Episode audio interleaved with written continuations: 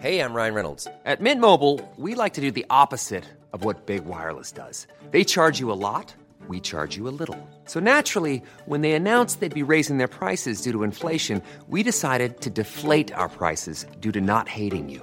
That's right. We're cutting the price of Mint Unlimited from $30 a month to just $15 a month. Give it a try at mintmobile.com slash switch. $45 upfront for three months plus taxes and fees. Promo rate for new customers for limited time. Unlimited more than 40 gigabytes per month. Slows. Full terms at mintmobile.com.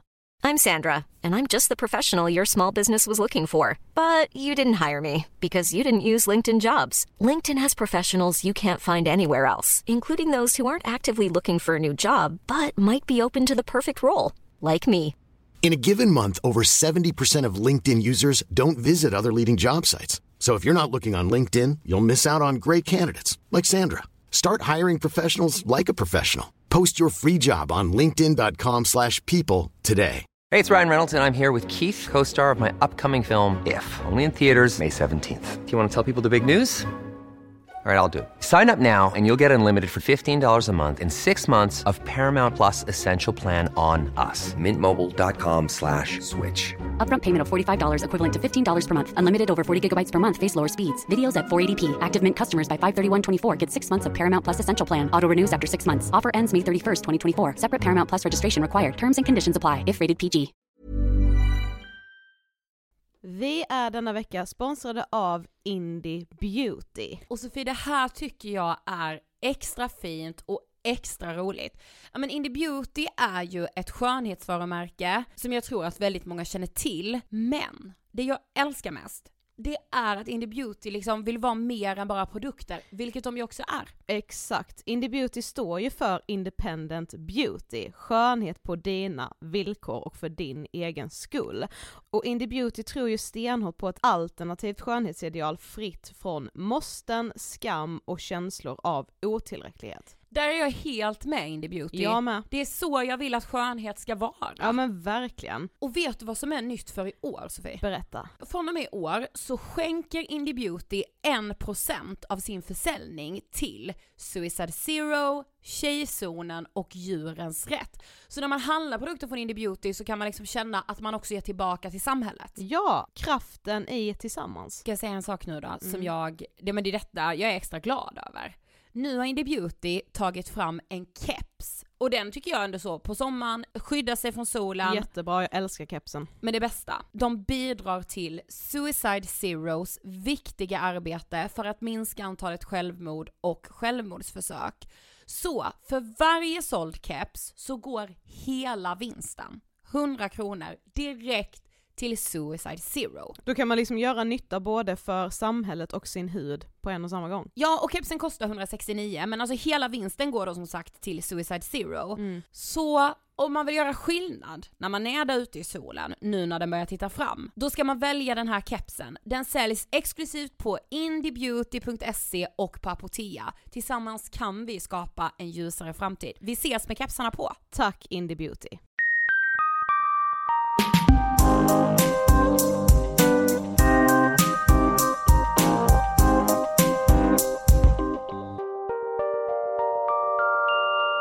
allihopa och välkomna till avsnitt 394 av Ångestpodden! Hej! We are back! Ja, vi är verkligen så.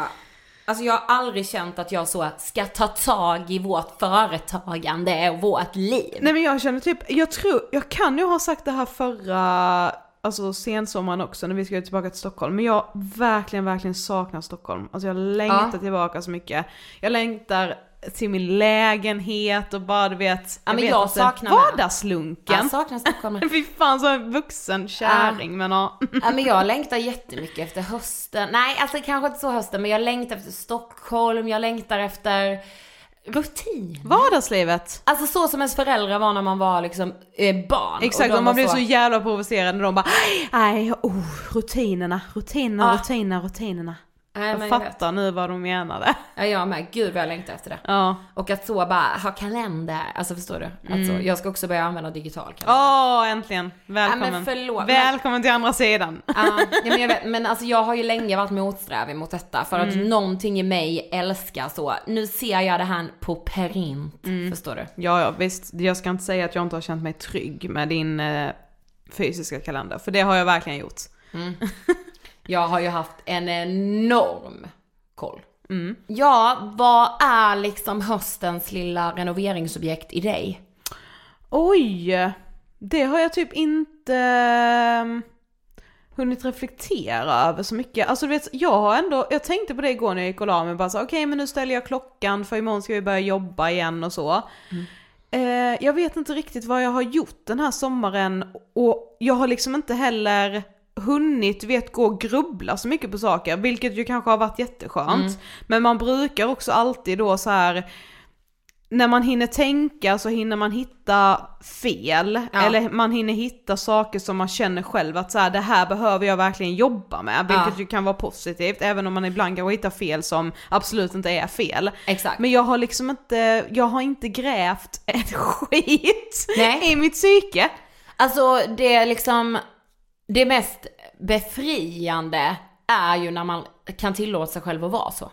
Alltså när man inte håller på så mycket. Jo men och jag tror faktiskt också helt ärligt att jag är en sån person som, alltså det funkar inte att jag säger till mig själv innan att så här, nu ska inte jag grubbla, utan det bara blir så för Ja, att jag typ har ja. annat. Alltså jag kommer aldrig vara en person som inte grubblar om jag inte, om jag, om tiden ges för grubbleri, då kommer grubbleri att ske. Ja men same. Så jag alltså, tror bara så, det är inget, alltså jag, det har bara blivit så. Ja men det är ju gött när det lyckas bli Av så tecken full tydligen. Ja men också att vi såg Justin Bieber i Malmö Ja. förra veckan. Det var något i hästväg. Nej jag ska, nej men jag är ju belieber på ett sätt. Jag kommer aldrig vara, vad ska man säga, jag kommer nog aldrig, jag kommer vara patisk. Såklart. Alltid. Alltså när han får så tre i Aftonbladet ju. Han, jag han får alltid en femma av mig. Ja, sen kan jag ju köpa att han kommer aldrig bli så bra som han var allra första gången vi såg honom. Nej jag har inte räknat ut honom, det tror jag visst. Okej. ja. Nej, men då, han var ju, då var han ju skitliten. Ja. Nog om detta. Veckans gäst. Det var som att få in... Nej men jag har längtat efter att få släppa det här Ja. avsnittet. Alltså, Nej men det var att få in så den mest positiva energin Sverige har att erbjuda ja, in verkligen. i vår studio. Ja, verkligen. Idag har vi med oss Mona Liljedahl och Mona är en person som vi har blivit tipsade om att bjuda in till podden. Ja, och vi pratar om särbegåvade barn idag. Ja, för Mona hon är pedagog, författare och föreläsare och specialiserad inom särbegåvning, eller då särskild begåvning som det också kallas. Eh, och framför allt så beskriver Mona det själv som att hon jobbar för alla elevers rätt till en meningsfull skolgång. Och alltså det man ändå har hört eller har uppfattat, eller nu pratar jag bara utifrån mig själv, men jag tror ändå det är lite så gemene man, är just att särbegåvning eller särskild, begåv, särskild begåvning är liksom bara något positivt och att Ja. det är väldigt skönt och att livet blir väldigt enkelt om man är särskilt begåvad. För att liksom inlärningen är otroligt bra och snabb. Men att det ju också har visat sig att många särskilt begåvade barn faktiskt mår väldigt dåligt och att skolan blir väldigt besvärlig. Eh, och att det också gör att många barn som är särskilt begåvade faller mellan stolarna för man förstår inte att det är den här begåvningen som gör att de mår dåligt. Exakt, det är ju förknippat med mycket ångest. Eh, men det här vet Mona allting om. Eh, så vi ger er Mona Liljedahl och Sveriges bästa energi. Varsågoda! Hej Mona och varmt välkommen till Ångestpodden! Tack så mycket! Jättekul att ha dig här. Ja, kul att få komma hit och Härligt. träffa er. Ja. Du kom hit med sån energi, jag blev liksom superglad bara av att träffa dig. Att du säger så. Vi får börja umgås. Jag som alltid är så fruktansvärt trött. så, Det märks inte. Nej. nej, men, jag, men jag blir glad av sådana här möten. Ja. Det, då får man ju en annan typ av energi. Mm, sant. Ja. Men Mona du ska få berätta, vem är du?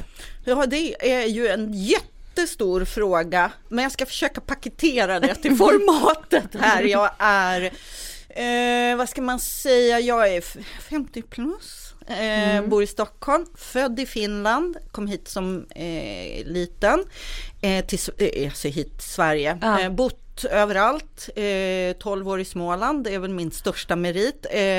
jag har bott i Frankrike, jag har bott många år i England och nu är jag här och är lärarutbildad, gymnasielärare i svenska engelska, lite bild och jobbar som specialpedagog. Mm. Vad tänker du på när du hör ordet ångest? Åh, oh, mitt favorittema höll jag på att säga. Vårt med! Ja, jag har haft, eh, nej men jag har en personlig erfarenhet av ångest, haft mycket, mycket ångest, men den miljön jag kommer ifrån, sån här i arbetskraftsinvandrad eh, finländare, så, så fanns ju inte ångest, allt var värre i kriget. Mm. Eh, så, um, men jag förstod senare att jag haft mycket, mycket ångest. Jag har också fått väldigt mycket hjälp. Mm. Eh, medicin och terapi, jag går eh, alltid i terapi tycker jag. Mm. så. så ångest har varit min ständiga följeslagare men också har varit eh, någonting som driver mig framåt för jag måste ju göra någonting åt saker och ting mm. då. Mm, spännande. Ja. ja. men du sa ju det nu, du är liksom författare och föreläsare Just och det. Ja det, det glömde du nämna. Ja jag glömde nämna det, ja precis. Och ja, men gymnasielärare också. Ja. Och vi vill ju framför allt idag prata om ditt liksom specialområde. Ja. Särbegåvning eller särskild begåvning. Ja. Hur kommer det sig att du liksom har intresserat dig så mycket för det ämnet? Ja, det är en jättebra fråga. För mig eh, handlar det om en personlig erfarenhet. Alltså jag fick ett, mitt första barn mm. var inte som de andra små tjurarna kan man mm. säga. Han lärde sig så tidigt, kunde alfabetet när han var ett och ett halvt, två, kunde läsa och skriva när han var tre och ett halvt, fyra och var en sån här fantastiskt eh, intressant barn men när han började skolan så fick han bara sitta av tiden och fick väldigt mycket ångest mm. av mm. det. Eh, och satt på toaletten och drömde om svarta hål och ja men lite mm. sådär typ eh, sinnebilden och då ehm, under tiden han växte upp och jag fick till barn också, en liten tjej, um, så jag menar jag är skrivutbildad också, så gav jag ut en, min första bok som mm. handlade om Finland under andra världskriget, jätteudda genre.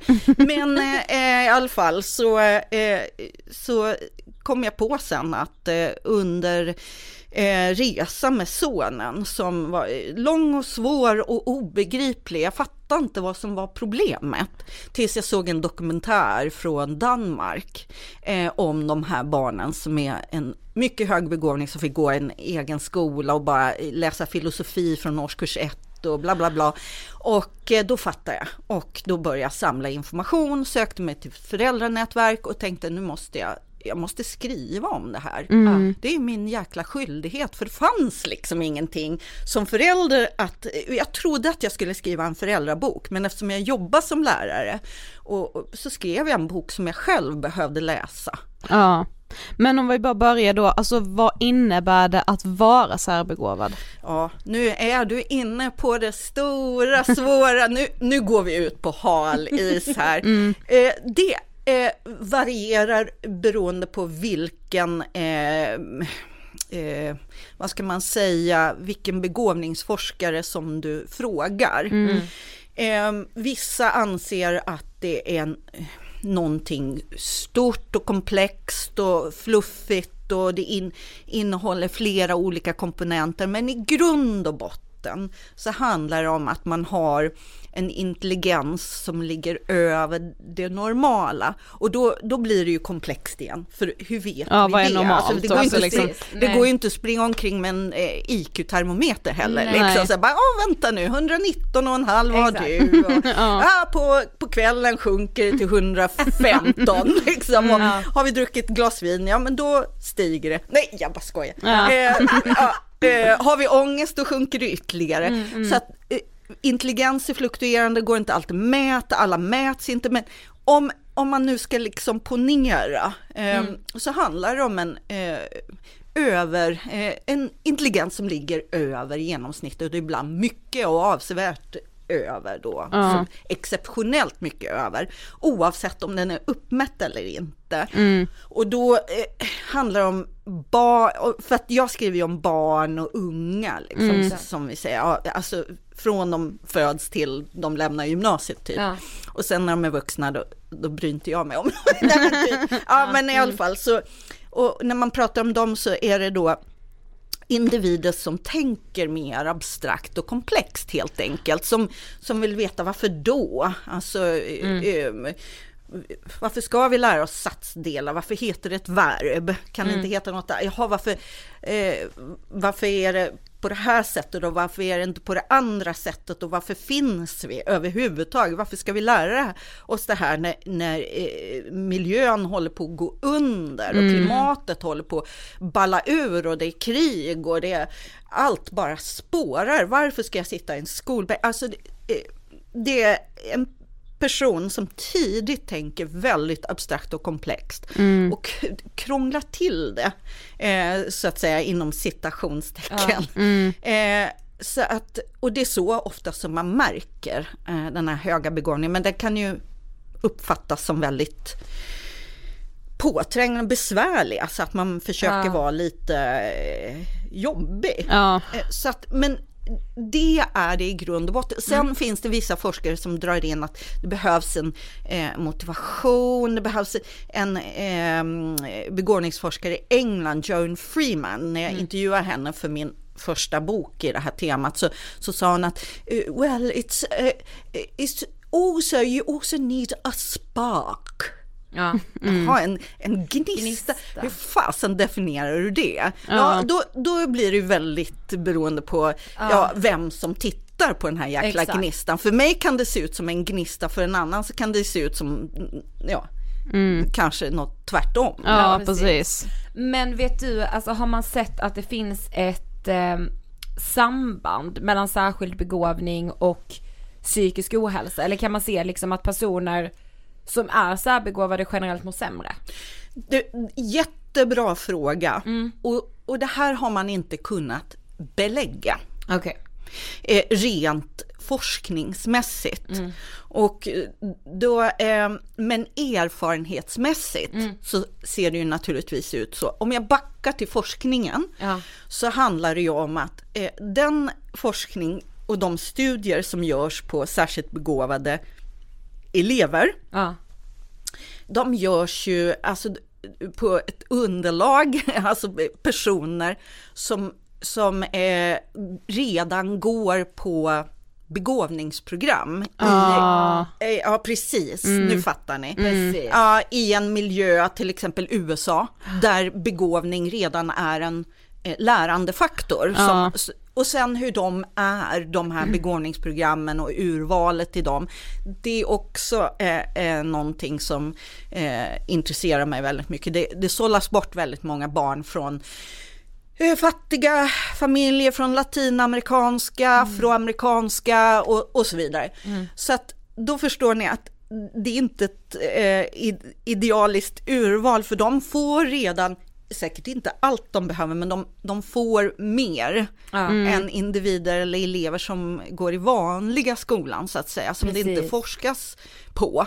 Eller eh, elever som inte tillhör familjer som räcker upp handen och säger ja, jag vill vara med i en studie för mitt barn är begåvat. Nej, eh, och jag menar, det, jag jobbar med så många familjer där föräldrar inte räcker upp handen ett skit, eller knappt finns. Jag har även nyanlända eh, individer utan föräldrar och som bor i familjehem och sådär. Det, det är bara glöm och dröm. Men, så att, men jag, jag jobbar ju väldigt nära eh, alla elever och, det, det, och de här eleverna med en osedvanligt god förmåga att lära sig väldigt snabbt eh, och på djupet och på bredden och på höjden och vill veta mer och mer och mer.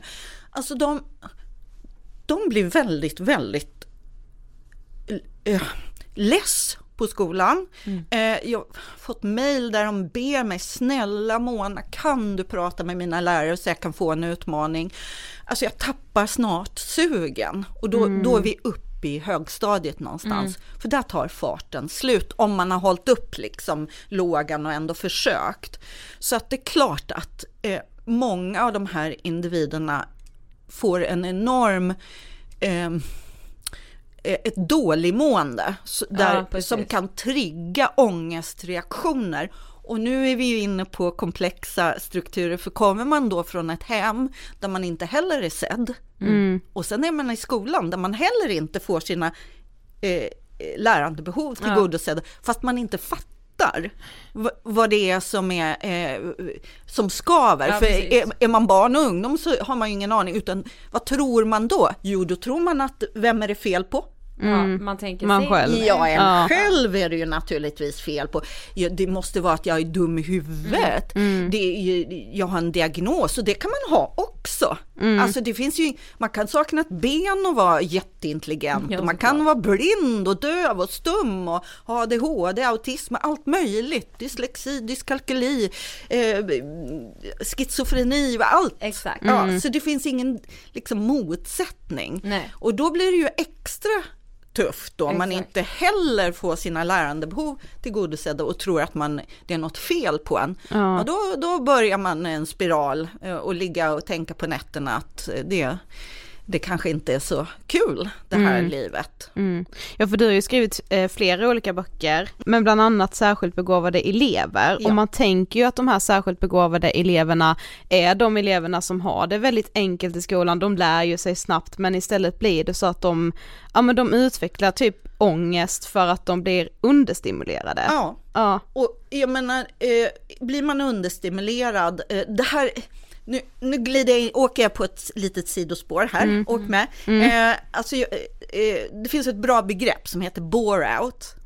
Jag vet inte om ni har hört talas om det, men det, det fick ett medialt uppsving. Det, det är inte så himla nytt. Det var några så här, eh, schweiziska businessmän som skrev någon sån här bok för många, många år sedan som heter Bore Out någonting, bla bla bla. Eh, men det fick ett uppsving eh, för några år sedan när en fransman stämde sin arbetsgivare för Bore Out och vann.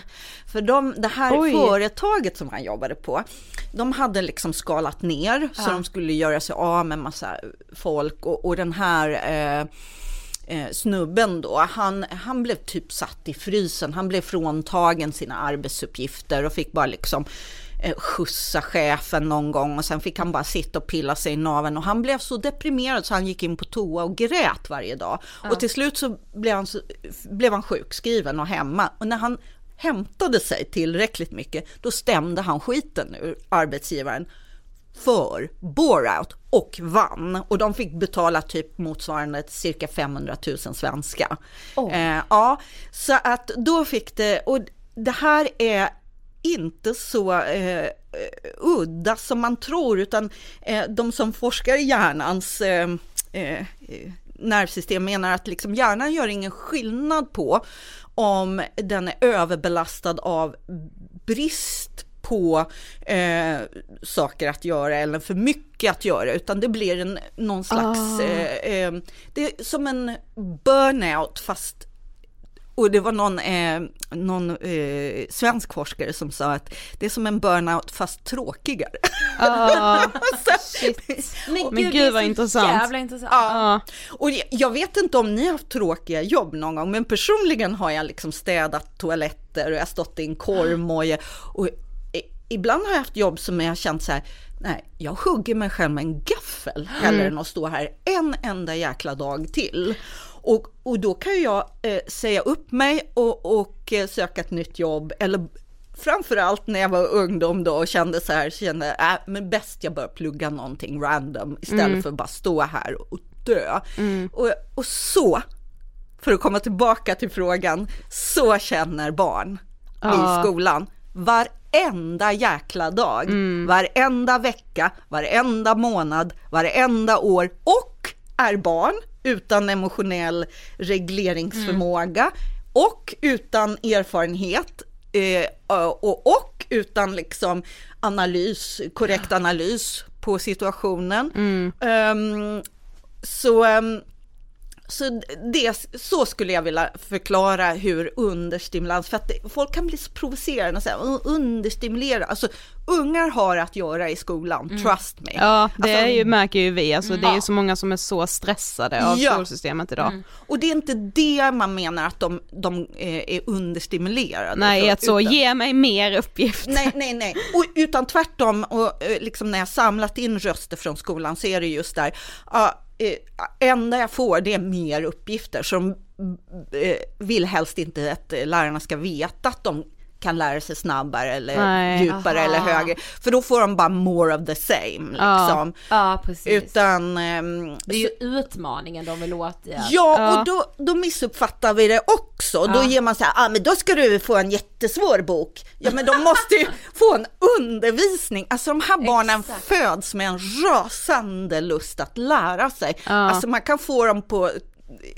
bana med vilken kunskap som helst, bara du lite är nyfiken på det själv. Mm. Liksom. De är föds passionerade, kunskapstörstiga. Men, men eh, skolan handlar mer om liksom görande för de här eleverna mm. än lärande. Och när man frågar de här när de har kroknat ihop så brukar de ofta säga att jag hatar skolan för jag lär mig ingenting. Nej. Alltså de säger inte att de inte gör någonting eller inte Nej. har någonting att göra utan de lär sig ingenting. Och de kan inte säga upp sig. Nej. De kan inte byta skola och tänka så här utan ja, då måste man ha så här aktiva föräldrar som liksom, och alla har inte det. Och, och, jag som har bott i Småland i, i 12 år, alltså där fanns det en skola liksom. Ja, vi är från mm, Karlshamn, Blekinge. Så, ja. så ja. precis, ni vet precis. Ni vet exakt. Mm. Ja, exakt. Så när man det börjar prata om det här, ja men det är bara att byta skola. Så, men, då, det är bara får, storstäderna som ja, har, så mycket bott, val. Ja, de har bott för länge in, i Stockholm. Ja, ja verkligen. men men särbegå, alltså det är ju liksom ingen diagnos. Nej. Men kan man göra liksom, alltså jag tänker om man lyssnar på det här, alltså kan man göra någon slags utredning om ja. man misstänker att man själv är det eller ens barn? Ja, nu är vi också ute på... nu är det djupt Nu är det ju på, på med de här simkuddarna på armarna här nu för nu blir det åka av. Mm. Um, nu är vi... nu är det tufft. Uh, alltså, det är inte det, det, finns begåvningsutredningar ah. eh, för barn okay. eh, och eh, i, i förskolan kallas de för VIPSI, WPPSI mm. och i grundskolan kallas de för WISK. Okay. Eh, och sen i gymnasiet och vuxna kallas de för WISE för det är man ju när man blir äldre. Mm. Nej, jag bara skojar. nej, inte alls. Ja, nej, eh, det var bara, eh, utan det utgår från, man, man utreder egentligen eh, i, grund och botten ett par förmågor och det gör man alltid eller ska alltid göra i samband med en neuropsykiatrisk utredning som ADHD eller autism eller så. Mm. Då tittar man på eh, individens verbala förmåga och den, eh, eh ja om man förenklar det, den logiska förmåga förstå logik mm. kan man säga. Och sen tittar man på snabb, hur snabbt man jobbar mm. och vilket arbetsminne man har. Mm. Och snabbhet och arbetsminne sticker om man är lite trött eller deprimerad, har ångest, då har man noll eh, eh arbetsminne eller snabbhet, utan då har man jättelångsam processhastighet. Och, så de, de två förmågorna kan man tänka bort. Men den här verbala och logiska förmågan, det är den man anser liksom mäta själva begåvningen. Mm. Men då brukar inte de, och det är bara psykologer som får utreda ja, med till exempel visktest. Och då brukar det inte komma tillbaka en, eh, en samlat dokument där det står att eh, barnet eller ungdomen är särskilt begåvad, utan det brukar stå att det verbala ligger över genomsnittet, mm. det logiska ligger avsevärt över genomsnittet eller så vidare. Och så tänker ni så här, ja men tänk om man kommer från eh, Syrien då, då är inte det verbala jättebra. Nej, just det, Tack, nästa fråga. Just det. Så det, det, är känsligt det här. Mm. Och kommer man in då, eh, och när kommer barn till utredning? Jo, naturligtvis när de mår som sämst, ja. alltså när det riktigt har gått käpp Exakt. H-vete. Alltså för eh, skolan remitterar ju inte förrän det går riktigt dåligt. Man måste ju sätta in insatser och extra anpassningar och förstärkta extra anpassningar och sen eh, och utvärdera och hålla på, hålla på, hålla på. Så att barn och ungdomar kommer ju inte till utredning förrän det är riktigt, riktigt illa. Hur presterar man logiskt då? Ja, Ja. det har man ju sett i, i forskningen att liksom hjärnan blir dummare när man är deprimerad, alltså inom citationstecken. Det är ju någonting som läker ut när man är bra. exakt. Så att eh, det var en lång harang, men för att förstå att begåvningsutredningar är inte alltid tillförlitliga. Men det är många, många, många som, som har upptäckt att deras barn, eh, alltså att de är särskilt begåvade eller särbegåvade, det är samma fast det är Ja. olika begrepp, eh, genom att de har genomgått en ADHD-utredning kanske en, eh, och, och så ligger de väldigt högt i så här, verbalt och eller logiskt. Så jag bara, jaha, hoppla lolla. Men då när skolan får se de här dokumenten eller kanske till och med utredningsteamet, då kan de använda det till att säga, men då borde du ju klara dig jättebra i skolan. Ja. Så då använder man begåvningen som ett jäkla motkrav. Ja, titta här, det står att du är jättebegåvad, då ska du ju kunna lämna in dina jävla uppsatser. Och så håller man på och använder det som så här, man tar gisslan. Så det, det är en krånglig väg att gå. Men sen har man ju mensatest också och barn eller unga personer kan också göra mensatest nu. Jag tror man kan vara, nu kanske jag ljuger, men jag tror att man kan vara sådär i typ 14-årsåldern och göra en sån här variant. Och, eh, men det är knepigt det här. Så mitt jobb det är ju att, eh, jag brukar säga att eh, mm, att jobba fram liksom en kunskap så att man får nya glasögon. Ja, så att man inte bara ser någon som ifrågasätter utan ser så här, jaha, intressant, undrar vad han eller hon eller hen tänker nu. när, när de är så tveksamma till det jag säger. Mm. Ehm, eller undrar vad, ja, att man vänder lite på saker och ting. Så mitt jobb består ju i att skapa nya glasögon och kunskapen att se de här barnen utan att springa med en IQ-termometer som inte finns. Ja, precis. Men vad kan man då som lärare göra för att liksom, ja men hålla koll på sina elever och kanske så om det, om det finns en elev som, ja men ofta zonar ut i klassrummet, Ja. vad kan man göra som lärare för att kanske upptäcka en särbegåvning? Ja, det det är en jättebra fråga, men hur man än vänder och vrider på det hela så, så kommer man inte undan den här relationen. Alltså att man behöver skapa relation till eleven och eh, lyssna efter vad de tänker på. Vad, vad, vad får de att ticka liksom? Vad, vad är det du tänker på när du zonar ut? Vad gör du när du inte är i skolan? Vad får dig att liksom brinna? Eh, och många gör ju, många särskilt begåvade eller särbegåvade gör ju väldigt, väldigt mycket på fritiden som de inte räknar som att göra någonting. Många kanske spelar dataspel, så då får de ju verkligen liksom eh, utmaningar och eller ja, andra grejer som de inte tänker på. Men det är ju få som bara inte gör någonting. Nej. Och så ja, ägna sig lite åt existentiella tvivel. För det är just det här med ångest. Um, alltså, jag som jobbar med alla elever. Och, alltså det, jag blir väldigt, väldigt ledsen av eh, hur skolan eh, är organiserad idag. För det är så många elever som mår dåligt av hur den är utformad. Många elever har ångest och vill inte komma. Exakt. Och då, då krävs det inte mycket för att man ska bli hemmasittare och eh, vägra helt enkelt. Eh, den skillnaden med särskilt begåvade eh, unga och barn, det är att deras ångest blir existentiell.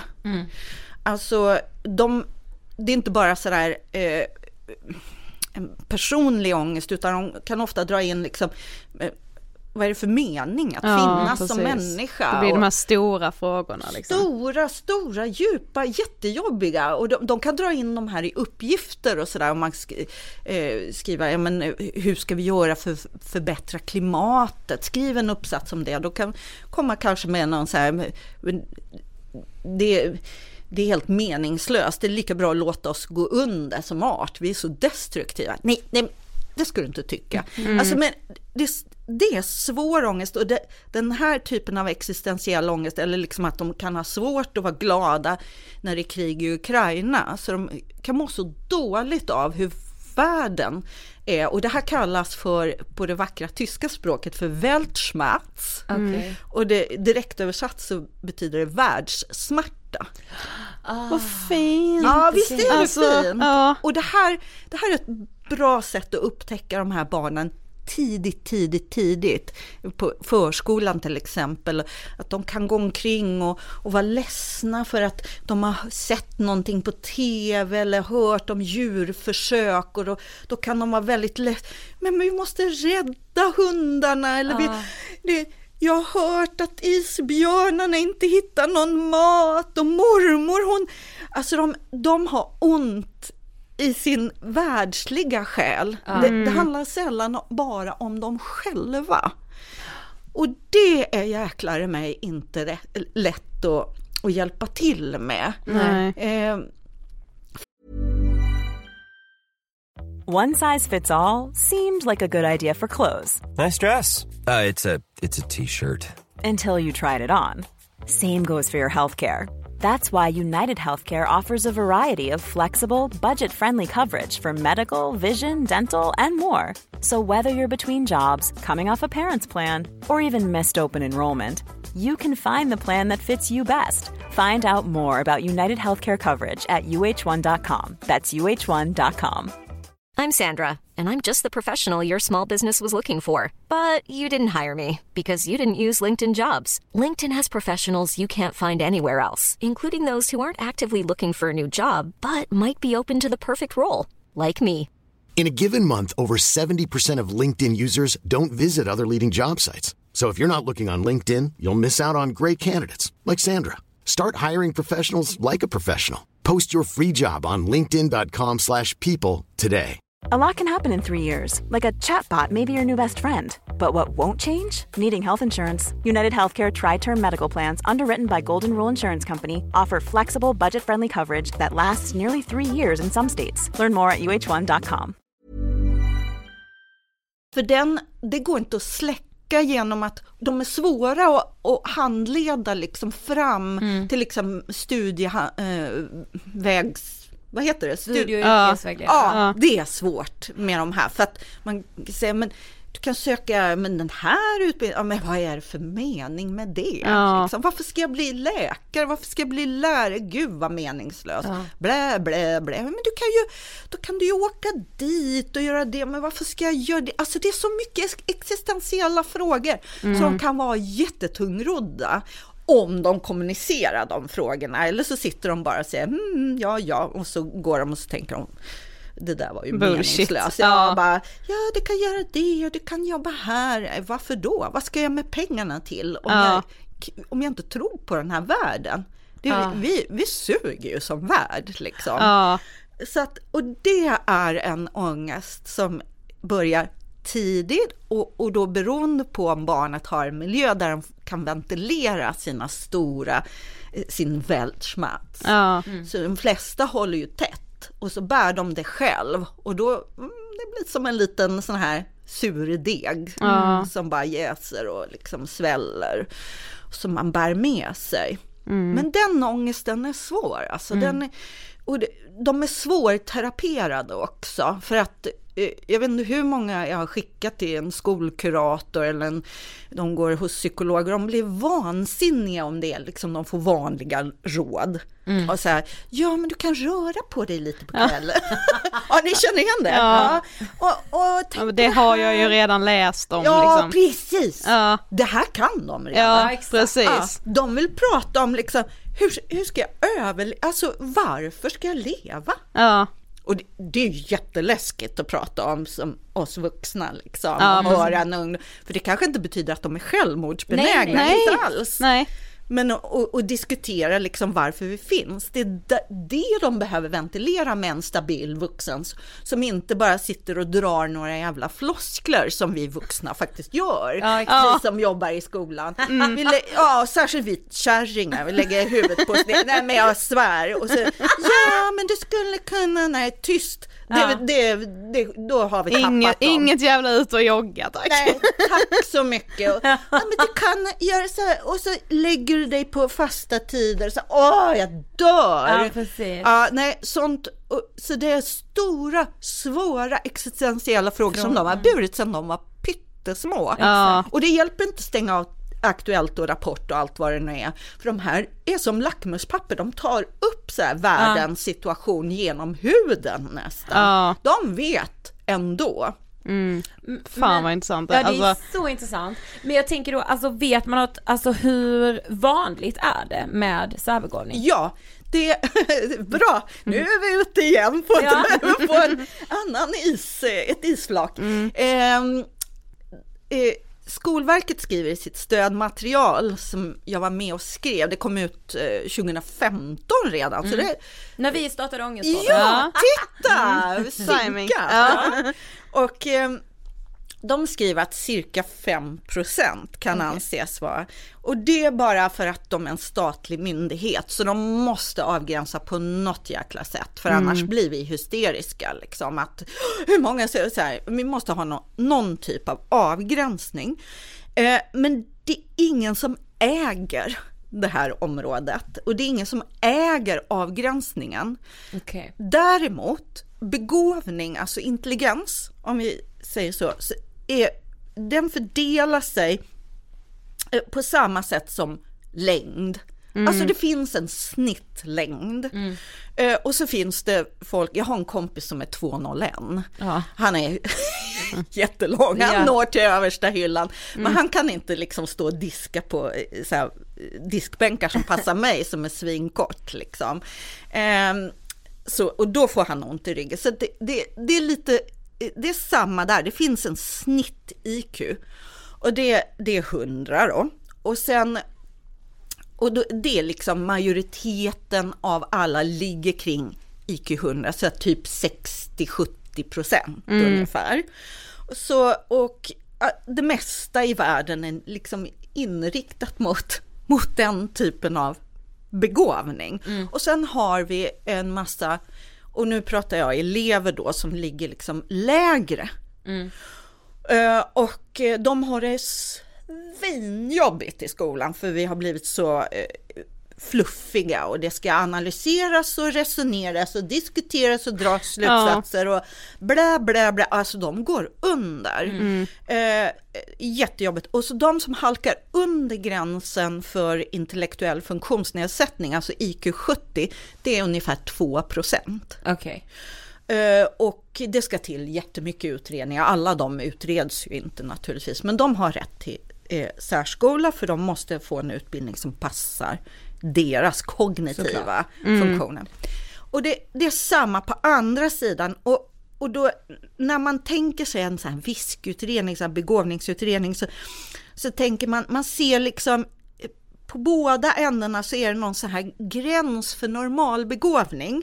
Ja, det är cirka så här IQ 80-85 på andra sidan. Eh, och under det så har man det jäkligt jobbigt alltså med att, hålla på och analysera och abstrahera och, och greja.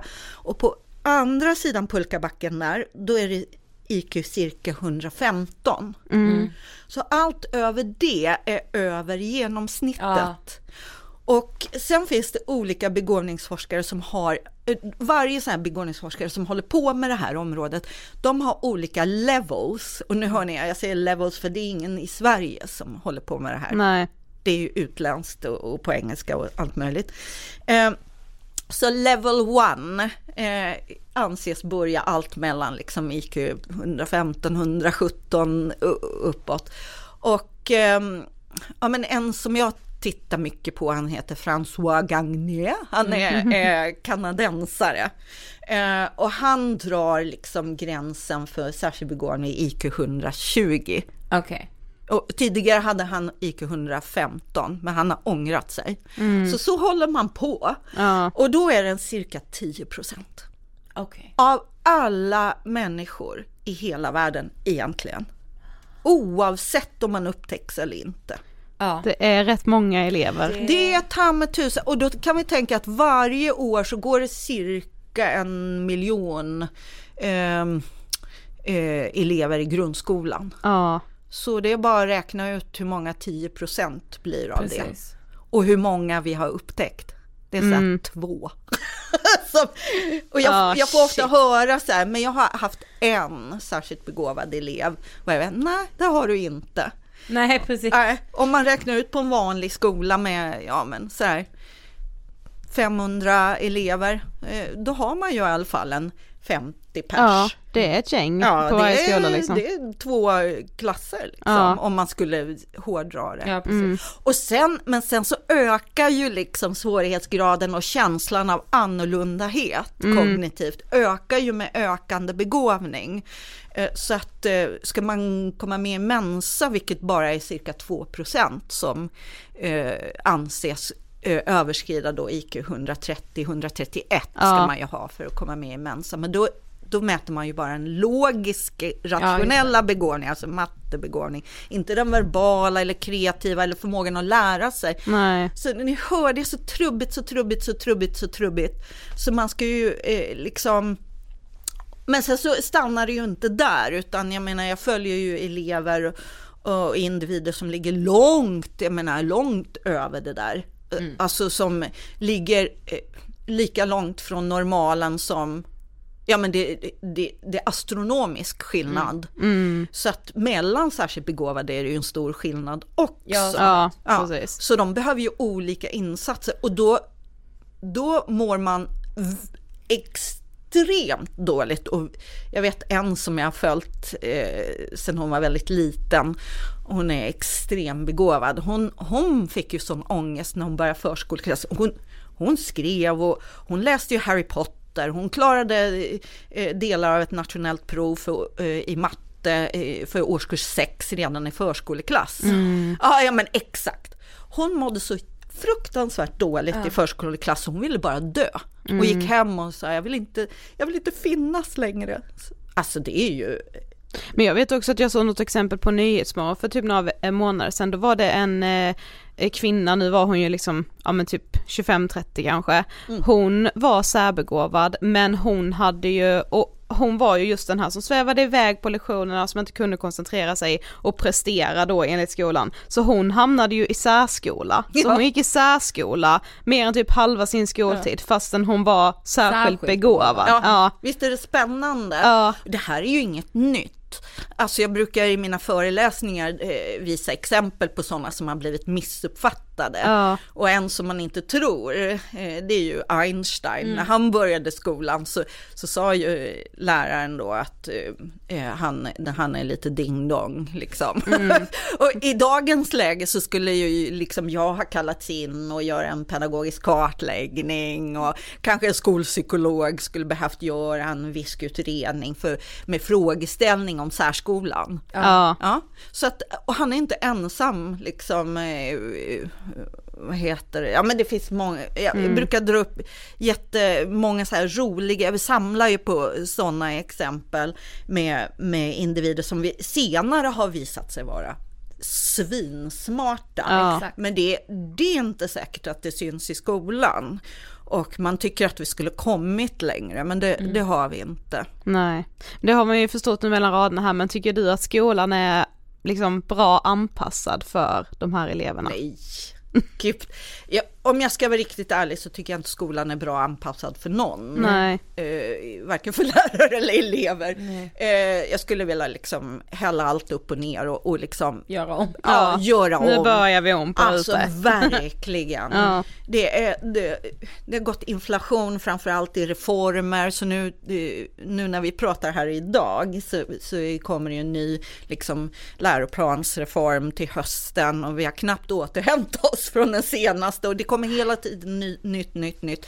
Så folk skiter i vilket och så kör man sitt race. Och det, jag menar, och i grund och botten, jag menar, vi, lärarutbildningen har inte hängt med. Vi ska anpassa, men det är ingen som får lära sig i lärarutbildningen hur man ska anpassa. Nej. Liksom. Vadå extra anpassning? Det får man inte lära sig. Men det, det är riktigt, och, och då, de som klarar sig bäst är ju de som lig, ligger liksom inom någon typ av normal eh, begåvning och inte ens de mår alltid bra. Det finns alla möjliga anledningar. Jag menar, det räcker att vara tjej och komma, eh, eller att komma in i puberteten. Ja. det är jobbigt. Eller ha frågetecken kring sin, eh, att man varken är tjej eller kille och, och så vidare. Och så vidare. Vilket är intressant, för det finns det studier kring att eh, fler bland de särskilt begåvade unga människor som, som upplever sig själv som icke-binära. Ah. Oj vad intressant. Ja, det är det. Ja.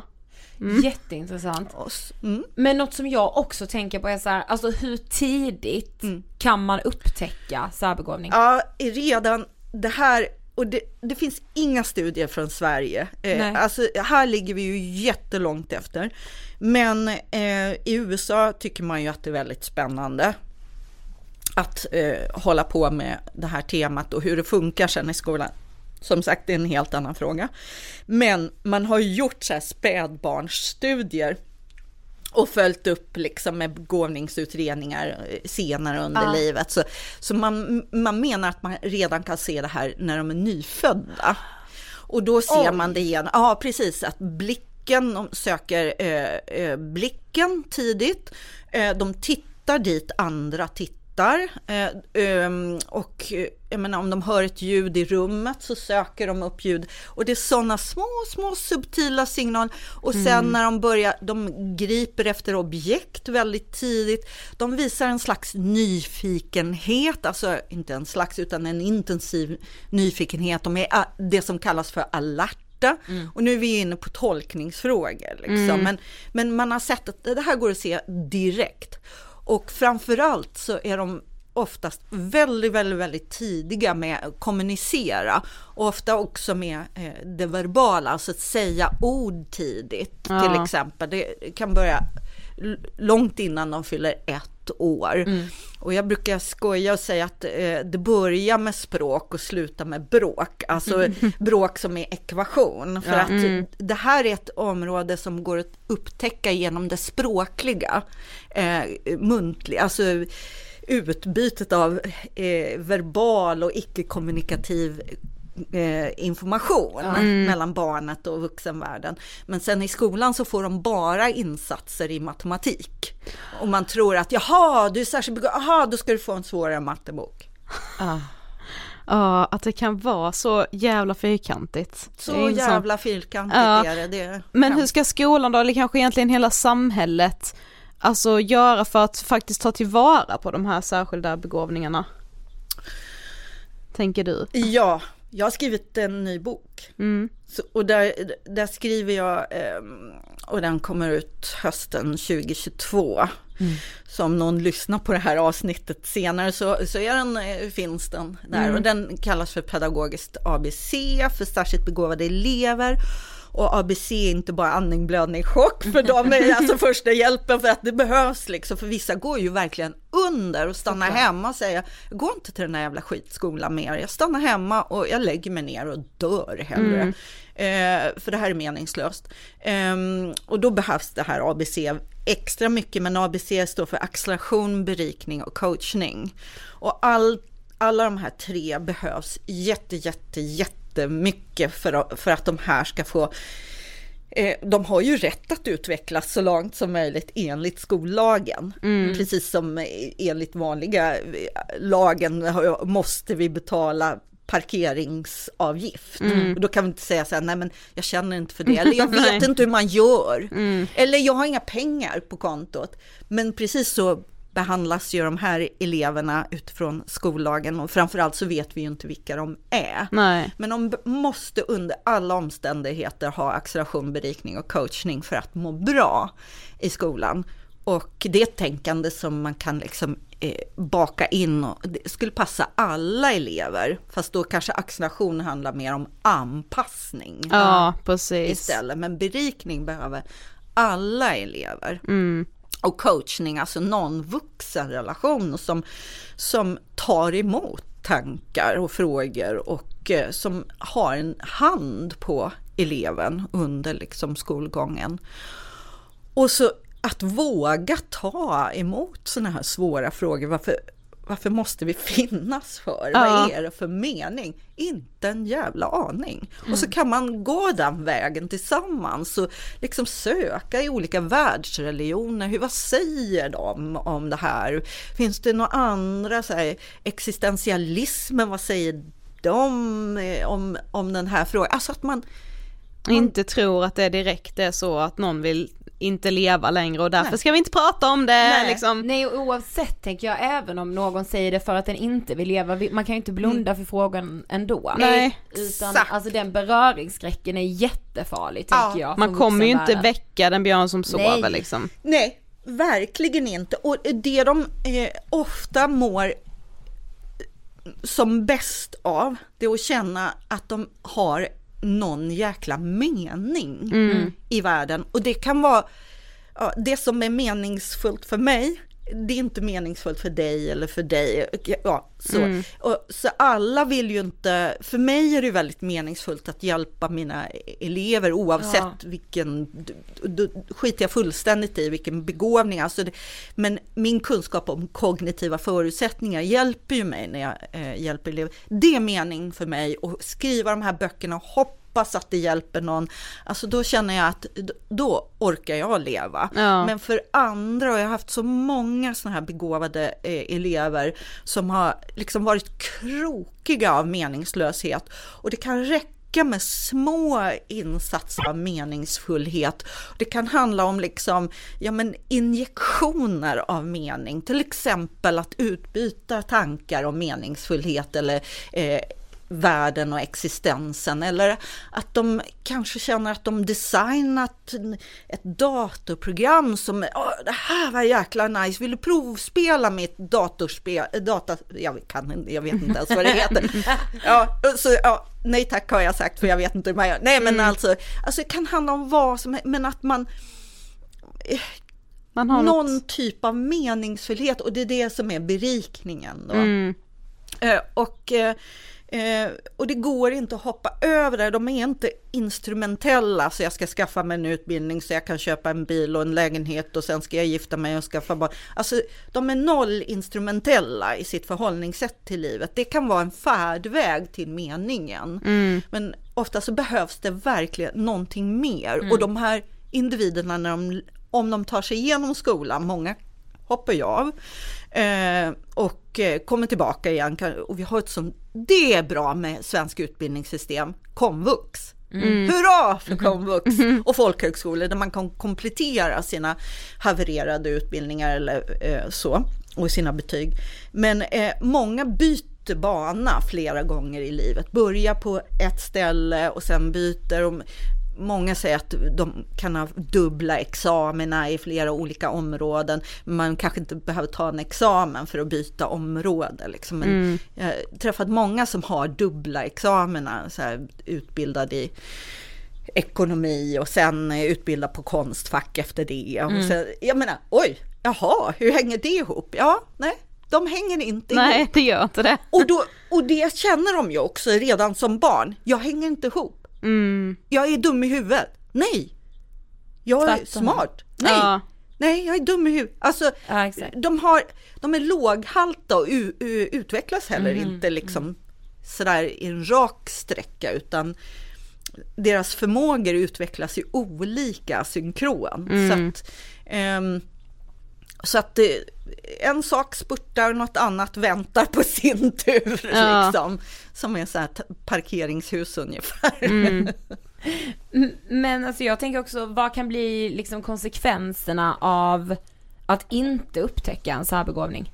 Ja, det vet vi ju inte då. Nej. Eh, utan det är väldigt anekdotiskt och det betyder ju någonting. Alltså det, Såklart. det, är inte, det är inte att spotta på alla de... Men eh, jag, för jag tänker, alltså vad, vad tror du som ändå liksom jobbar med de här Ja, sakerna? det, det jag vet utifrån mitt arbete och de individer jag har följt och följer, eh, det är ju att, eh, att inte bli upptäckt, det är att man drar slutsatser om sig själv. För att de här är analysexperter. Men, men de kommer ju till fel slutsatser eftersom de är unga, eh, i vissa fall små barn, eh, och har noll, eh, kanske de har inte gått i familjerådgivning och terapi, så de, de har inte det här liksom eh, rätt analysinstrument. Liksom. Så då drar man slutsatser om sig själv som är fel. Eh, och framförallt så, eh, så kanske man inte tror eh, någonting om sin egen förmåga. Eh, alltså särskild begåvning handlar ju också om förmåga att lära sig väldigt, väldigt, väldigt snabbt och enkelt. Alltså man kan se samband. Det betyder inte att alla kan lära sig laga en cykelpunka eller alla är bäst på matte. Det, alltså man har olika spetsförmågor, precis som man är musikalisk. Så det betyder inte bara för att jag är musikalisk att jag kan spela trummor. Nej. Ja, jag- ja men det kan man väl lära dig. Jag är jäkligt dålig sådär, synk i kroppen. Och det är inte säkert bara för att jag är musikalisk att jag kan sjunga bra. Eh, klart man kan låta, eh, men ja, och så vidare. Och det är samma med särskilt begåvade, bara för att man har en eh, jäkla lärandekapacitet och hög intelligens så betyder det inte att man kan spetsa i, i varenda Nej. jäkla... Och, och begåvning är inte faktiskt uppdelad i ämne, skolämnesområden. Det, det kanske kommer som en surprise, det är inte så det ser ut. Men eh, om man då eh, går omkring och bara känner sig annorlunda, udda och mår dåligt av skolan och i början har väldigt lätt för sig och sitter och tittar ut genom fönstret så kommer man upp i, ja, kanske högstadiet och känner sig, vänta, oj, nu blev det svårt. Jag är dum i huvudet, jag kan ingenting. Nej, bäst jag ger upp. Nej, det här var för svårt. För att man inte har lärt sig att lära. Och då får man ju för sig att jag har svårt för mig. Och och så får man för sig att man inte är ett studieämne och att man inte trivs i skolan. Så man ska inte studera vidare. Så vi går ju miste om en jäkla Ja. massa kompetens. Ja. Exakt. Och när jag intervjuade ehm, en expert i England för min första bok, en annan än den här begåvningsprofessorn, så sa, vände hon sig till mig och sa hon helt plötsligt så här, Mona vad konstigt att ni i Sverige är så sena på bollen i det här med begåvning. Ni som delar ut Nobelpriset. Och jag hade aldrig tänkt på det. Ja. Att, att vi delar ut Nobelpriset till de som överlever Ja. trots skolan, alltså nu är det kanske inte svenskar primärt då, som får Nobelpris, men vi sitter och delar ut Nobelpriset till uppenbara eh, begåvade eh, prestationer i både li- litterära sammanhang och innovationer och bla bla bla. Men de här barnen, de kan dra åt helvete. De ska bara göra och sitt tyst. Om du är så begåvad så kan du väl bara prestera. ja, ställ inte så jävla mycket frågor Nej. i klassrummet. Nej, medan de frågorna, det är, det, det är de frågorna som gör att de kan upptäcka cancerceller till Ja, slut och precis. komma fram till eh, gåtan och lösa den här jäkla cancergåtan en gång för alla. Men då ska man överleva skolan och, Ja. och fatta att jag har studiehuvud. Ja, Ja, precis. Och det, är- det är få som eh, får den inputen, Ja. utan tror något helt annat om sig själv. Och då, då litar vi snarare våran kompetensbank, eh, bank, alltså, förlitar sig alltså på slumpen. Att de här eh, individerna råkar snubbla över någonting som ger dem inputet att jag ska nog vidareutbilda mig. Ja, Eller råka precis. snubbla in på mensa-test Ja, och precis. fattar att Oj, jag är ganska intelligent, ja. Och det är inte så ovanligt. Och Nej. jag vet inte vad som driver dem, men ja. Så att det är en eh, katastrof rent nationellt att vi går miste om en massa kompetens eh, och eh, det är promille som kommer igenom och som begriper att de är så här begåvade. Men framför allt så är det ju personliga tragedier. Ja, verkligen. Främst bland kvinnor. Mm. Flickor är ju i regel de vi upptäcker sist av allt, mm. enligt de studier som finns i länder där begåvning är oproblematiskt. Ja. Alltså som finns som lärande behov. Och ja, men eh, barn med invandrarbakgrund som är flicka med hijab, glöm och dröm att eh, det ska upptäckas som särskilt begåvad då. Det ska mycket till då. Så att det är ju en eh, rättvisefråga deluxe det här. Det är bara i nuläget, eh, man brukar prata om det, men det är så jävla elitistiskt att prata om begåvning. Ja, det är det nu, när vi inte pratar om det. Ja, för det är bara precis. barn till välformulerade och välutbildade föräldrar som, som eh, blir betraktade som särskilt begåvade för att föräldrarna stövlar in hos rektorn och tar henne i kragen och säger mitt barn är särskilt begåvad, vad gör ni på den här skolan? Ni måste sätta in insatser. Och som eh, överhuvudtaget får någon insats, även om de är kanske pissdåliga, mattebok. Så- Ja. Men eh, andra barn kan glömma att bli upptäckta eh, eller få någon lärandebehov tillgodosett. Så det är en svinelitistisk fråga det här just nu. Och väldigt, väldigt intressant. Så nu har vi hunnit med typ hälften av frågorna men vi måste ta sista nu. men du får komma tillbaka Mona. Ja, jag tror men nästan det. sista frågan, vad inspirerar dig? Och sådana här möten inspirerar mig. Att få prata om ångest inspirerar mig. Det, det är Visst är det härligt? Ja. Vi håller med. Ja, mänskliga, riktiga möten där man liksom går på djupet. Precis- Och det är precis det som inspirerar ja, men särskilt begåvade barn och unga. De vill också ha riktiga möten där de går på djupet och det inspirerar mig jättemycket.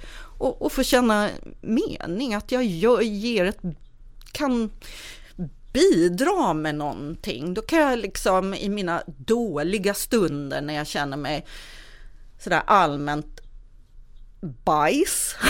Går omkring hemma och känner bara så här, och så eh, blir det badsäsong snart, jag vill inte titta på en bikini. Då kan jag tänka så här, men Mona, tänk nu på att du kan, du bidrar med dina böcker, någon hjälper alltid, du, du puttar på ett tema som också är jätteviktigt och då kan jag känna så här, ja, då, då, då blir jag lite inspirerad. Och, men, Fint. men framförallt av sådana här möten där man får ventilera tillsammans med andra.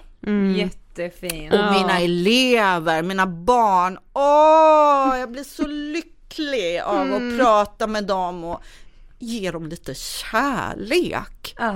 Ta med tusan. Det är jag helt säker på att du gör med bravur.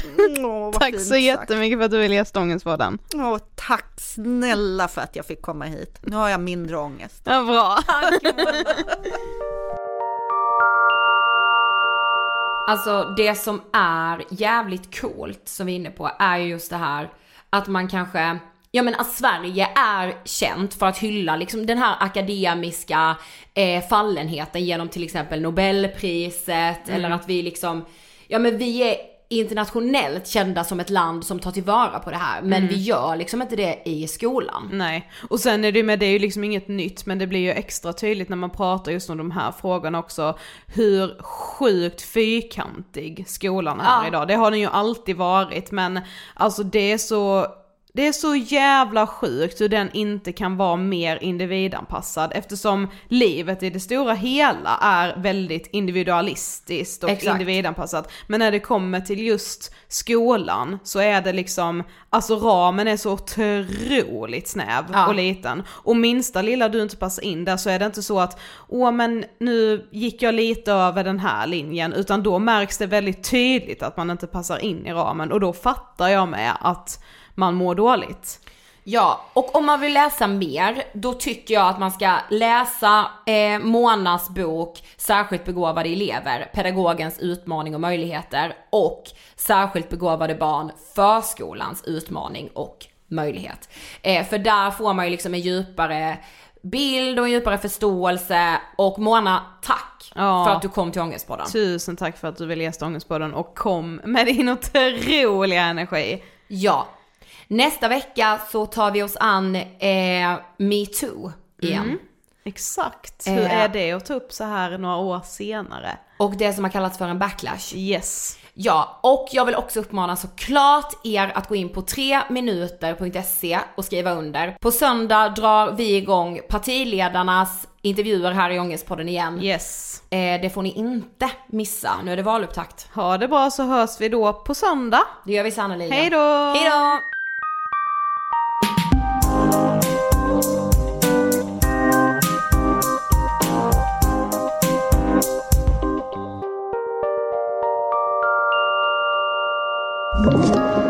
Podplay.